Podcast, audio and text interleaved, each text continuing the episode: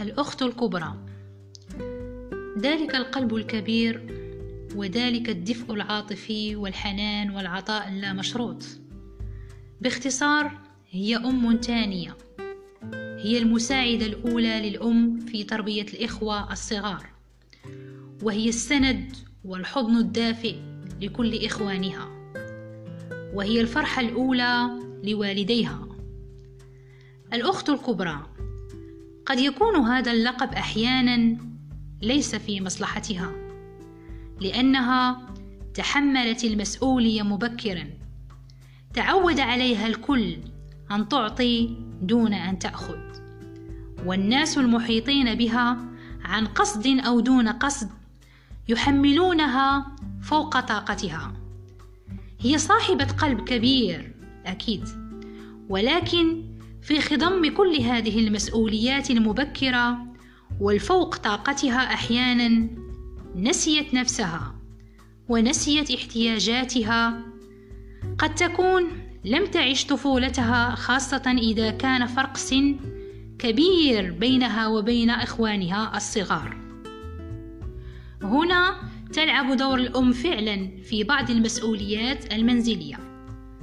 أنا أقول البعض، البعض منهن وليس الكل، ومنهن من تحملن مسؤولية رعاية آبائهن في حالة المرض مثلا، وقد يتنازلن عن حقهن في التعليم لفسح المجال للإخوة الآخرين في التعلم.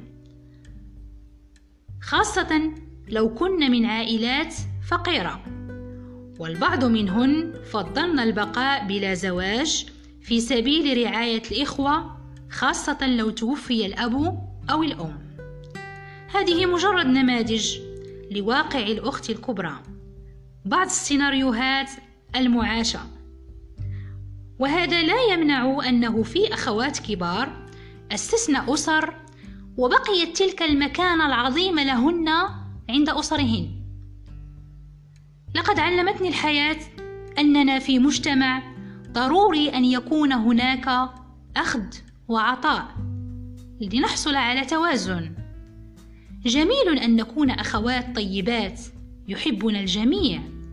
نساعد ونعطي ولكن ليس على حساب أنفسنا وطاقاتنا. الحياة تعاون وتآزر بين الكل الكبير والصغير.